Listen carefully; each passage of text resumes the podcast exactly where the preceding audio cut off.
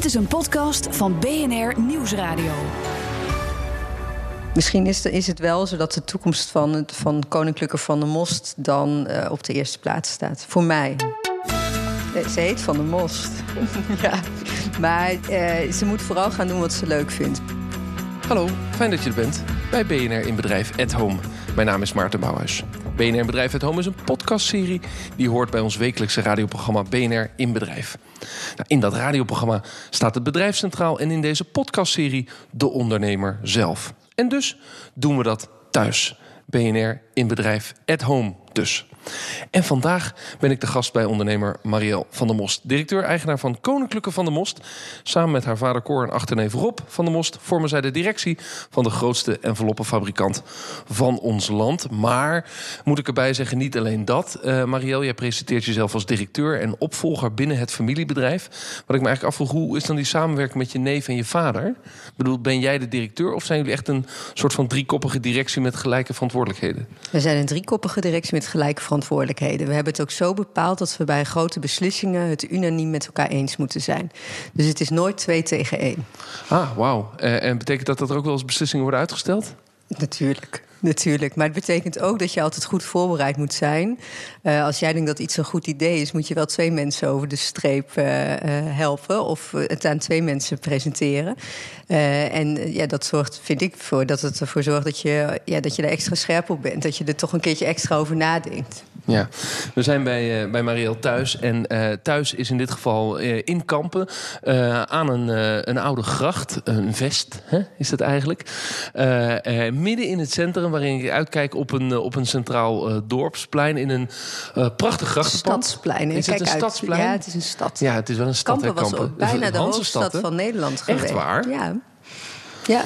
Uh, hoe, is dat dan, hoe is dat dan gebeurd? Nou, Kampen was vroeger een hele grote handelsstad, een Hanzestad inderdaad. En uh, destijds moest er een beslissing aan de Zuiderzee. Dus waar nu hier het stadspark is, daar was vroeger de zee.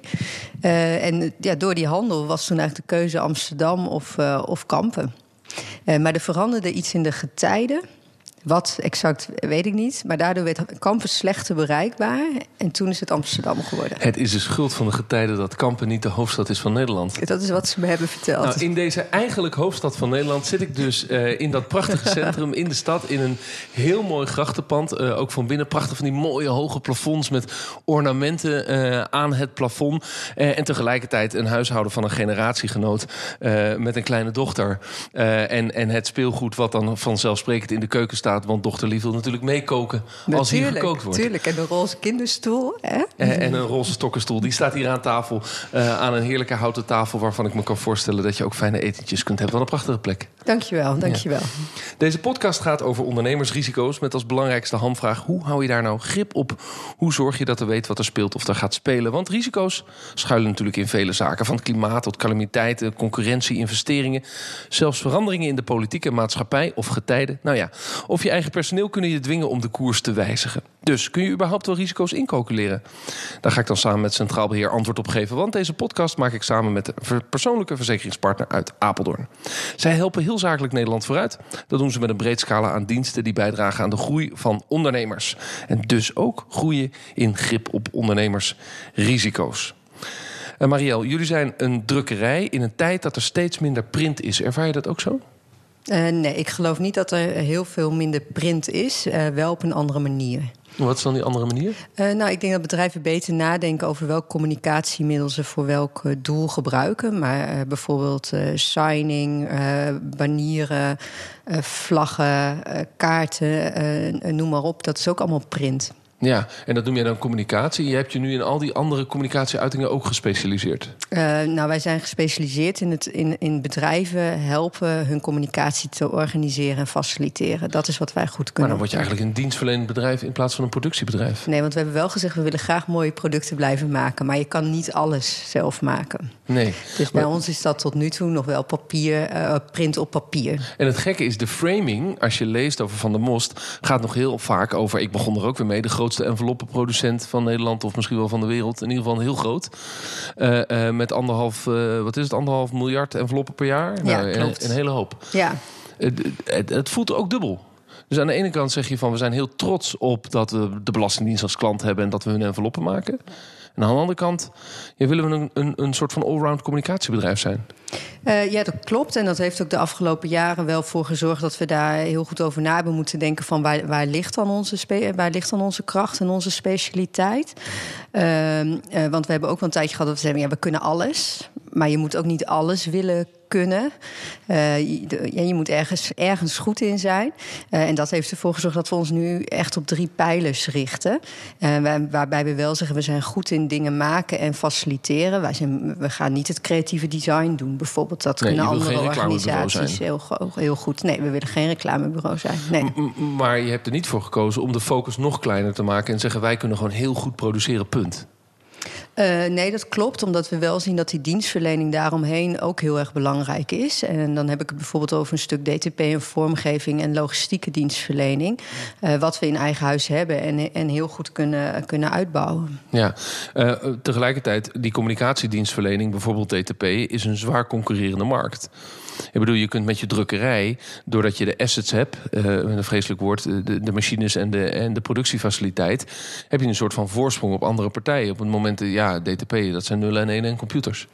Ja, maar uh, wat ik wel zie is dat wij werken vooral voor, voor grotere organisaties, hè, die, die, die toch, nou zeg maar, vanaf 30.000 euro per jaar aan, aan drukwerk uitgeven. En die vinden het vaak ook prettig om één duidelijk loket te hebben. En dat is hoe wij dat dan borgen. Ja, uh, en dat betekent dat zij hebben één loket, uh, doen dus die dienstenafhandeling en daarna wordt het gedrukt. Klopt. Ja. ja. Is het eigenlijk een markt geworden waarbij je ook veel sneller dat drukwerk klaar moet hebben dan vroeger? Ja, zeker. Ja, dit, ja. dit is vandaag vragen, morgen leveren. Ja, maar mensen denken vaak niet meer na dat iets echt gemaakt moet worden. Hè. Uh, alles ligt tegenwoordig op de plank. En dat dan een, een ja, neem, noem ik, neem ik toch even als voorbeeld een envelop. Uh, dat die gemaakt moet worden uit een stuk papier waar bedrukking op moet, wat misschien even moet drogen. Uh, en dat wij productieruns draaien om ook con concurrerende tarieven te kunnen handhaven. Dat is niet waar iedere besteller over nadenkt. En dat snap ik ook. En, en, als communicatie heb je de pijn dat je altijd aan het einde van de lijn zit hè, in projecten. Ja, ja. Ja, ja maar mijn, mijn congres is overmorgen. Kunt u het boekje klaar hebben? Ja, ja of heb we hebben een hele mooie mailing. Oh, er moest ook nog een uh, envelop omheen. ja, precies. ja. Die, tegelijkertijd die markt voor drukwerk, waar je dan dus in zit. Uh, jullie zijn een koninklijk familiebedrijf. bestaan al meer dan 100 jaar. Ja, 115 jaar dit jaar. Vanaf uh, september gaan de vlaggen worden ja, Het is weer een jubileum natuurlijk. Ja, het is een jubileum. 115 jaar. het is niet zo dat je na 100 jaar alleen maar om de 10 of om de 25 jaar jubilea viert. Nee, we hebben omdat 10 jaar geleden hebben we, uh, zijn we wel met onze uh, medewerkers en partners op reis geweest. naar Hamburg zijn we toen geweest met z'n allen. maar verder hebben we toen niet heel uitgebreid gevierd. Dus ook waar gaat het reisje dit jaar naartoe? Dan kunnen de medewerkers dat alvast intekenen. Ja, dus ze hebben afgelopen zaterdag de kaart ontvangen. Kijk, die staat hier ook op tafel. Oh, het is feest, ja? Ja, ja, ja. Van de Most verbindt op Vlieland. Vlieland gaan we naartoe. zoveel als Hamburg. ja, bijna wel. Ja, precies. wel heel leuk. Ja. Dan, maar dan huur je gewoon het hele eiland af. Nou, ja, ik denk wel dat dat daar duidelijk is dat er één organisatie sterk vertegenwoordigd is. Je gaat het hele eiland vol met vlaggen zetten. Ik begrijp het al, die je zelf maakt. Uh, de, de, nou, even terug naar die markt. Uh, uh, want daar wilde ik naartoe. 115 jaar, hè, dus, dus gefeliciteerd nogmaals, oud bedrijf. Er zijn nieuwe toetreders. Ja. bedrijven als Drukwerkdeal, Hello Print. Allemaal, allemaal jonge honden, ondernemers die met jonge krachten... zonder legacy, misschien zonder pensioenverplichtingen... op een hele andere manier die markt aanvallen. Hoe ga je daarmee om? Um, nou, de, de, je hebt eigenlijk twee soorten bedrijven. Als je het hebt bijvoorbeeld over een drukwerkdeal, die maakt niet heel erg veel zelf. Dus een drukwerkdeal is bijvoorbeeld ook een grote opdrachtgever van ons. Ah, het is eigenlijk een platform. Het is een platform. Ja. En heel eerlijk, ik moet er niet aan denken dat ik dat geve online gevecht met alle uh, CEO, SEO uh, uh, aan moet gaan. die is behoorlijk heftig, die strijd op ja, dit moment. Gewoon de strijd op de eerste pagina van Google en daarna de tarievenstrijd. Ja, en dat is misschien ook wel waar we het net wat eerder over hadden. Laat mij dan alsjeblieft die mooie producten maken en iemand anders dat, dat stuk doen. Maar het zorgt natuurlijk ook wel voor dat je. Uh, eh, ja, dat, je wel, dat je wel scherp moet zijn op wat je maakt. En, en ook op die, op die prijsstelling die, uh, die je hanteert. Ja, dus dat is het ene type bedrijf, het platformbedrijf. Het andere type bedrijf is wel een productiebedrijf. Ook nieuwe spelers in de markt Ja. waar je wel tegen moet concurreren. Ja, soms wel. Toch zie ik in de regel nog wel dat zij wel een, een grotendeels een ander klantportfolio vertegenwoordigen. Niet helemaal natuurlijk, er zijn wel overlappen. Eh, Maar zij vertegenwoordigen toch meer de, de, ja, de MKB, kleinere MKB-bedrijven waar wij veel aan aanbestedingen meedoen, Ja, bijvoorbeeld. jij staat je voor op grote corporate klanten, overheidsorganisaties, zoals de Belastingdienst. Ja. Waar je dan ook eh, contracten binnenhaalt voor drie tot vijf jaar. Ja, klopt inderdaad. Ja, bij ons, eh, wij hebben echt een team wat, eh, wat bezig is met aanbestedingen. En en da- dat is wel een markt waar, waar de online drukkerijen zich tot nu toe niet, niet op gericht Nee. hebben. In die concurrerende markt heb je lastige beslissingen moeten nemen afgelopen jaar om te kunnen blijven volgen. Maar, maar, heb je daar een voorbeeld van? We zeggen ja, we moeten soms toch harde keuzes maken als directie. Ehm, goede vraag. Eh, Kijk, je zit in een transitie als bedrijf zijn. We hebben heel duidelijk een, een, een stip op de horizon bepaald.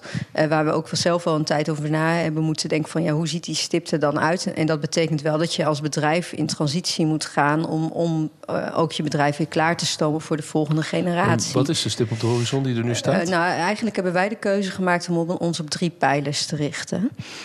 Dat is één, zo lang mogelijk eh, de ja, briefpapier en enveloppen blijven maken. Al dan niet voor de Nederlandse markt. En daar hebben we nu heel bewust de keuze gemaakt om ons om de landen om ons, om ons heen eh, te concentreren. Eh, tweede is meer doen voor bestaande klanten. We bedienen een heel groot deel van ons klantportfolio ehm, meer dan 30 jaar. Eh, en wij willen graag weten hoe we relevant kunnen blijven voor die bedrijven. Ehm, en het derde is, wat wordt de nieuwe kuikendoos? En dat is e- ons echt kijken hoe we een nieuw product eh, in de markt kunnen zetten of kunnen produceren. Een kuikendoos is een, een doos waar kleine kuikentjes in vervoerd werden, maar dan 50 jaar geleden. Nou, ik eh, ben eh, na aanleiding van mijn laatste interview bij BNR door een, eh, een, een arts bij Koninklijke de Heus, ook een familiebedrijf, erop geattendeerd dat het nog steeds een heel mooi transportmiddel voor kuikens is. Hij bestaat nog, de kuikendoos. Het bestaat nog, de kuikendoos. Wij maken hem niet meer. Maar voor de oorlog eh, hebben we heel wat kuikendozen gemaakt. Ja, maar En- later kwam daar de blauwe envelop. Die is ook van jullie, toch? Klopt, na Ja. de oorlog eh, kwa- kwamen de enveloppen. Nou, nu zijn we ook weer zo'n 50, 60 jaar verder, zeg maar. Iets meer. Dus er moet ook weer een keer een nieuw product komen. Ja, en dat product is dus niet iets wat je alleen gaat maken, maar dat wil je ook bedenken. Nee, dat hoeft niet. Kan ook alleen maken zijn. Ja, maar wel weer eentje wat in volle massa gebruikt gaat worden. Bij voorkeur wel. Ja, dat is wel prettig, ja. Eh, jullie zijn een vierde generatie familiebedrijf. Wilde je eigenlijk altijd al toetreden? Ik wel. Ja? Ja. Ja. Van, vanaf welke leeftijd is jouw herinnering dat je tegen je vader zei... ik wil wel meedoen? Nou, een, een, een hele duidelijke herinnering daarover heb ik dat toen ik klaar was met mijn middelbare school. En ik was niet, eh, niet een voorbeeldige eh, leerling op de middelbare school. Liep je de kantjes eraf? Nou, ja, ik denk het wel. Nee, weet ik wel zeker. Ja, nee, ik vond eh, dat eh, was niet, eh, niet de meest succesvolle Maar periode heeft je vader dan toch niet gedacht van... ja, er moet moet wel een mooi VWO-diplomaatje zijn... want anders kun je die directie niet in? Ja, daar hebben ze wel op gestuurd. Is niet gelukt. Ik eh, heb een HAVO-diploma gehaald. Ik zeg altijd, havisten maken de wereld. Ga door, ja. En toen, zei ik, toen ik klaar was, zei ik van... eh, nou, dan kom ik nu wel bij jou werken... en dan begin ik wel achter de enveloppenmachine... en dan werk ik mezelf wel eh, omhoog in het bedrijf. En wat zei hij? Nou, dat vond hij geen goed idee. Hij zei, ik hang de vlag uit als jij het huis uitgaat... en je gaat eerst maar naar school en studeren. En ik weet dat je het kan, dus beter dan ga je ook... je- Maar hij vond het ook wel even prettig als je, als, je, als je hem wat meer ruimte gaf. Het was wel even goed, de energie was op thuis. Het was eh, goed dat ik even voor mezelf moest zorgen... en erachter moest komen wat, eh, hoe dat in elkaar En zat. wat ben je dan gaan studeren? Ik ben toen eh, naar Den Haag gegaan... en daar heb ik in Propeduisia voor stewardess, receptioniste en hostess gedaan... bij Hogeschool TIO. Ja, dat is dan ook niet echt de opleiding om in de directie van een bedrijf te komen. Nee, nee. En, maar dat was jouw keuze. En je vader heeft niet gezegd van nou, eh, ga Nee. maar studeren... maar dan, misschien is dan small business handig of HO. Of... Nooit, nooit. Nee, die heeft eerder eh, afgehouden dat wij in het bedrijf gingen werken dan ons daarvoor En gemotiveerd. ben je ook gaan vliegen? Ik ben ook gaan vliegen, ja. Ja. ja. Je hebt de wereld gezien Ja, ik als heb de stewardess. wereld gezien als stewardess. Voor KLM? Nee, voor Martinair. Oh, nou ja. Mooie rode pakjes. Ja. Ja, en het bestaat niet meer. Dus Nee. het toch Ja, onderdeel als van de geschiedenis. Ja, ja, cargo. Maar ja, er zitten geen stewardessen meer op. neem ik nee, aan. nee, klopt, precies. klopt. Eh, eh, en dat ben je gaan doen. En toen ben je een eventbureau begonnen. Ja, er ging nog wel wat aan vooraf. Hoor. Ik ben uiteindelijk wel. eh, ik, ik ben gaan. eh, ik heb dat jaar gedaan. Toen ben ik een jaar naar het buitenland gegaan. Tenminste, dat was de bedoeling. Uh, toen is mijn neef uh, overleden. Dus toen was ik eigenlijk vrij snel weer terug. Die was 26 toen. En toen ben ik eigenlijk een jaar gaan werken in de horeca en bij een, uh, bij een kaasboer. En toen dacht ik van nou, misschien moet ik toch nog even mijn best gaan doen op school. en toen heb ik in twee jaar nog mijn HBO-diploma gehaald. Hotel en Hospitality Management. En toen ben ik gaan vliegen. Toen na twee jaar dacht ik van nou, nu moet ik, uh, nu moet ik misschien een wat serieuzere baan uh, gaan nemen. Uh, terwijl als ik ergens met heel veel plezier op terugkijk, is het mijn tijd als stewardess. Geweldig, geweldige dingen meegemaakt en mogen zien. Um, en toen ben ik inderdaad bij een evenementenlocatie aan de slag gegaan. En daarna vijf jaar voor mezelf begonnen. Ja. Zo'n overlijden van een neef, waardoor je dan eerder terugkwam. Is dat in een familie als dat van jullie, waar ook een bedrijf aan gekoppeld is, wat ons een soort van verbindende factor is, heeft dat, heeft dat een andere impact uh, misschien dan in andere families? Um, ja, dat durf ik niet te zeggen. Ik denk dat, dat binnen iedere familie, als een familielid die 26 jaar is uh, overlijdt, dat dat heel veel impact heeft. Um, wat ik, wel, wat, ja, wat ik wel vond is, want mijn vader zei bijvoorbeeld: blijf daar, je kan daar niks meer doen. En mijn oma uh, leefde toen nog. Dat ik dacht van ja, dat kan niet. En wat moet ik dan mijn oma een kaartje sturen? Je gaat alles goed? Of naar mijn, uh, mijn oom en tante en mijn nichtjes uh, en mijn nichtjes. Nee, maar je had ook kunnen overwegen om terug te komen voor een maand en dan je wereldreis weer op te pakken. Ja, dat had gekund, maar dat heb ik niet gedaan. Nee, dat dus, dus het, was wel een, het is op een manier dan wel een trigger geweest om te zeggen: Oké, okay, uh, ik moet ook zelf door. En, en, en dat is, daar is familie altijd een belangrijk onderdeel van. En dat zal in de toekomst ook zo zijn. Ja, ja. familie is een belangrijk onderdeel, dat sowieso. Ja, maar dat kan ook niet anders als je in de vierde generatie van een familiebedrijf zit. Nee. Um, nu zit je dan in die directie. Hè, na dus die lange carrière. Toen mocht je van je vader wel de opvolging uh, op je nemen. Zullen we zeggen. Uh, hoe, hoe ben je aan het begin van die tijd omgegaan met de verantwoordelijkheid van... en nu heb ik het bedrijf op mijn schouders... Ja, wat meer dan 100 jaar oud is, wat een koninklijk predicaat heeft... met al die medewerkers die er misschien al 30, 40 jaar zitten. Dat lijkt me best wel, best wel indringend.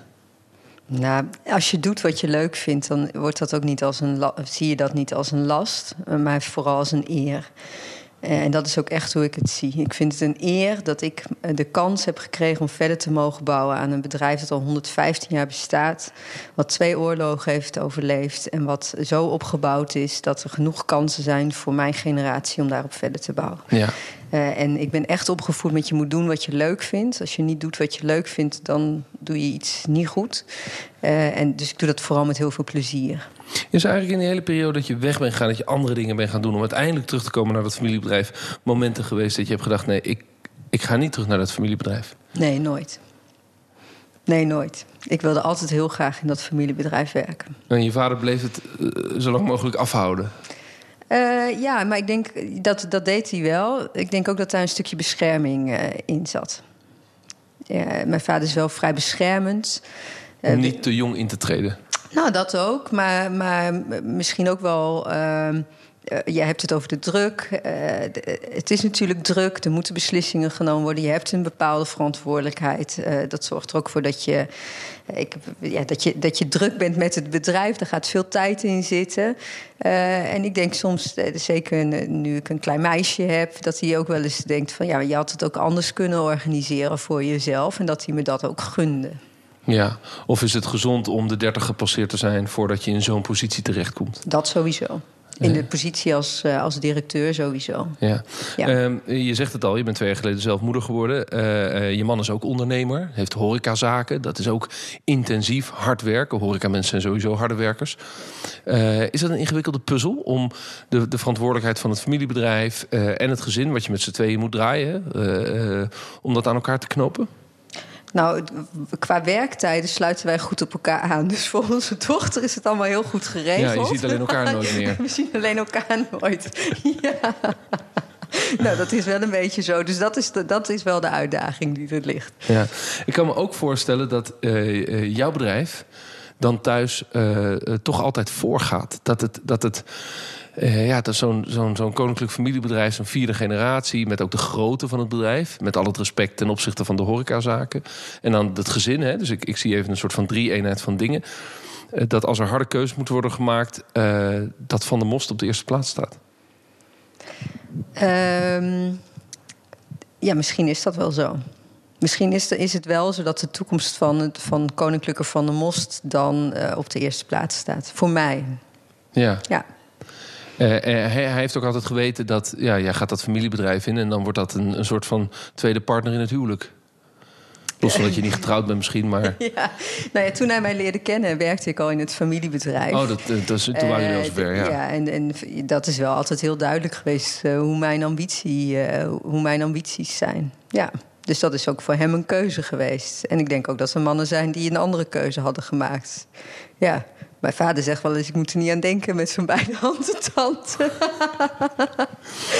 ja, tegelijkertijd, uh, uh, ik weet niet, werkte jouw moeder ook uh, hard nee. of fulltime? Nee. Nou, die werkte hard, maar die niet in het bedrijf. Nee, vooral thuis. Ja, thuis ja. en een aantal, die was op school en bij de verenigingen waar wij lid van waren altijd actief. Ja. Gun je eigenlijk Maxime dezelfde lijn? zie je haar uiteindelijk in dat familiebedrijf komen? Ze heet Van der Most. Ze heet Van der Most. Ja. Ze is vernoemd naar jou en niet naar je man. Ja. Dat is niet voor niks.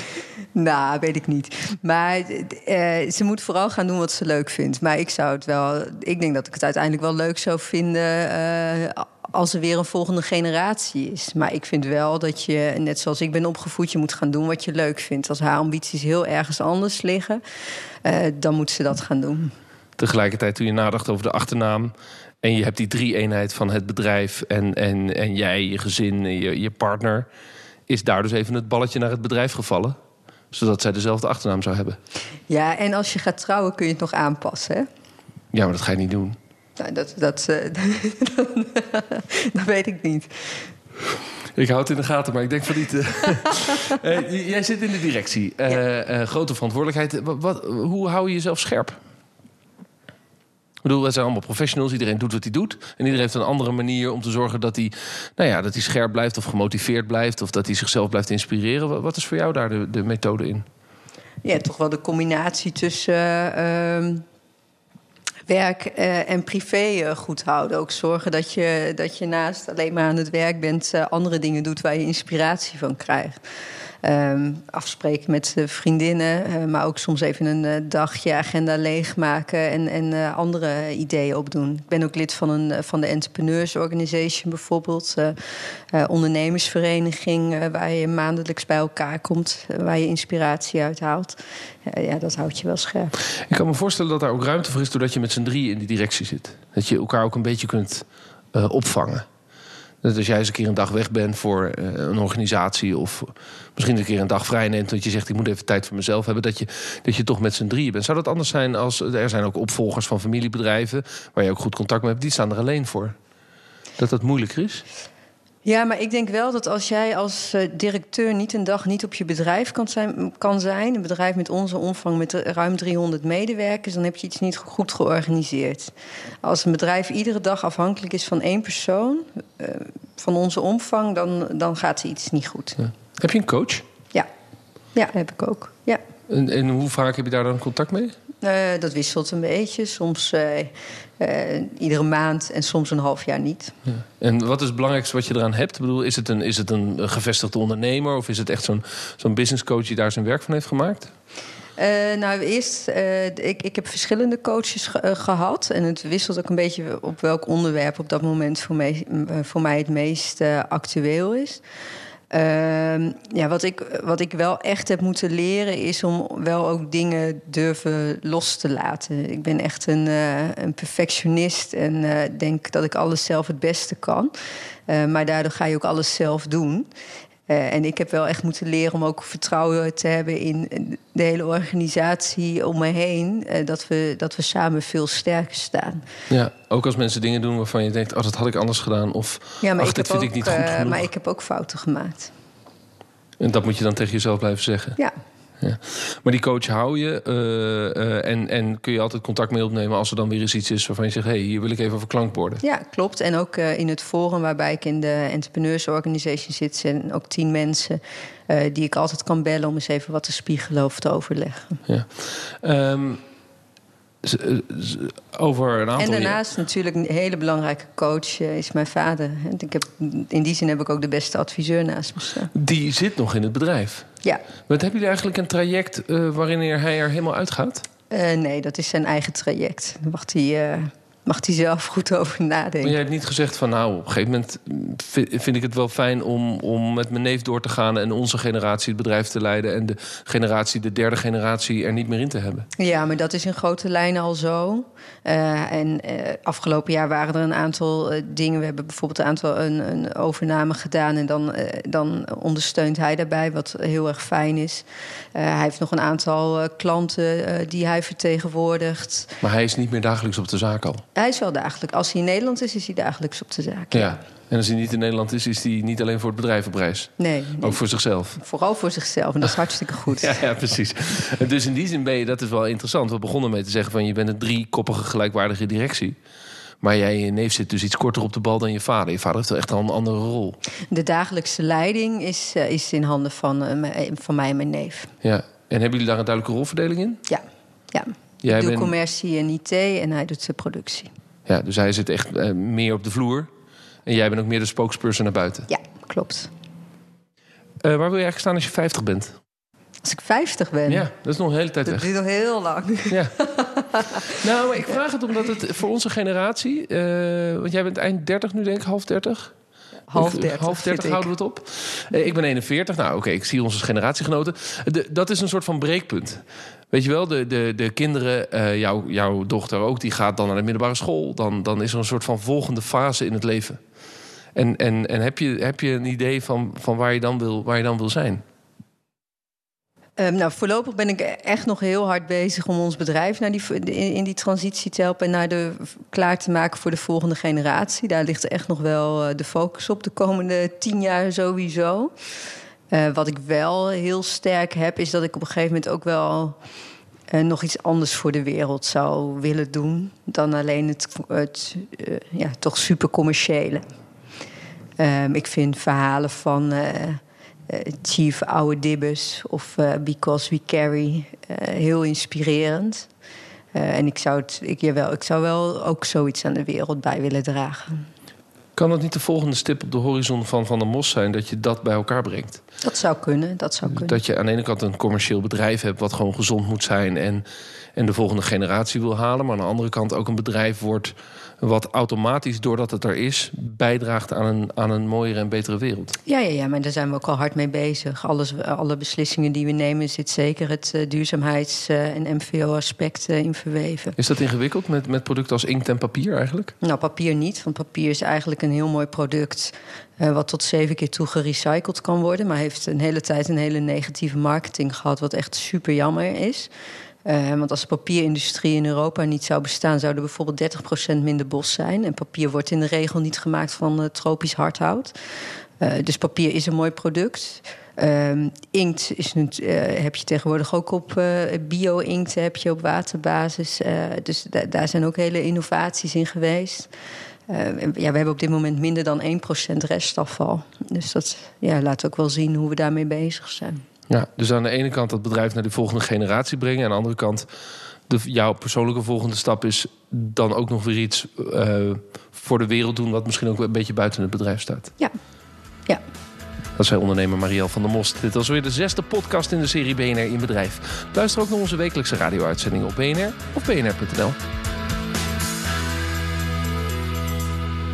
BNR in Bedrijf at Home wordt mede mogelijk gemaakt door Centraal Beheer.